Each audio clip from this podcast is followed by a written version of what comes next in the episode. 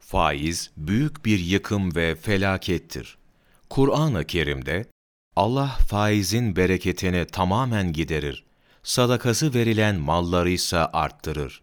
Allah, haramı helal tanımakta ısrar eden vebal yüklenici kafirlerin hiçbirini sevmez buyurulmuştur.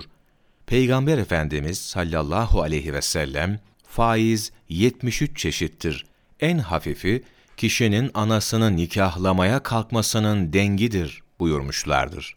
Faiz, toplumları içten içe kemiren, toplumsal bağları ve münasebetleri kaldıran, nesilleri bozan, hasedi, çekememezliği körükleyen, saygı ve muhabbeti yok eden, bunların yanında ticari ahlakı bozarak iktisadi dengeyi alt üst eden ve iktisadi krizleri hazırlayan, insanı paraya kul, köle yapan bir sömürü aracıdır.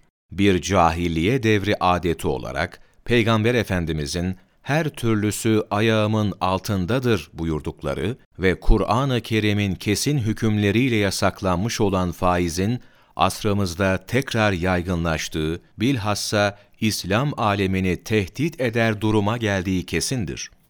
Müslümanı ve ondan gelecek nesli bozmanın en kolay yolunun, midelere haram lokma sokmakla mümkün olacağını gayet iyi bilen şeytan ve askerleri, maalesef büyük ölçüde başarıya ulaşmıştır. Faiz müessesesini bizzat kendileri bu derece yaygınlaştırmalarına rağmen, yine içlerinden çıkan modern iktisadın kurucusu kabul edilen Keynes, faiz haddi ticareti mahveder diyor.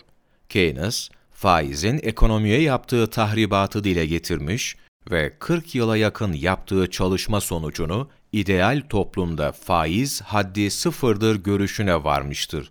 Halbuki İslam faizi yasaklayarak ideal toplumu baştan kurmuştur. İslam'ın asırlar önce koymuş olduğu kesin kanuna, bugün ancak 40 yıllık bir çalışma neticesinde varabilen modern hayatın çıkmazlarıyla Müslümanın bocalaması bir gaflettir.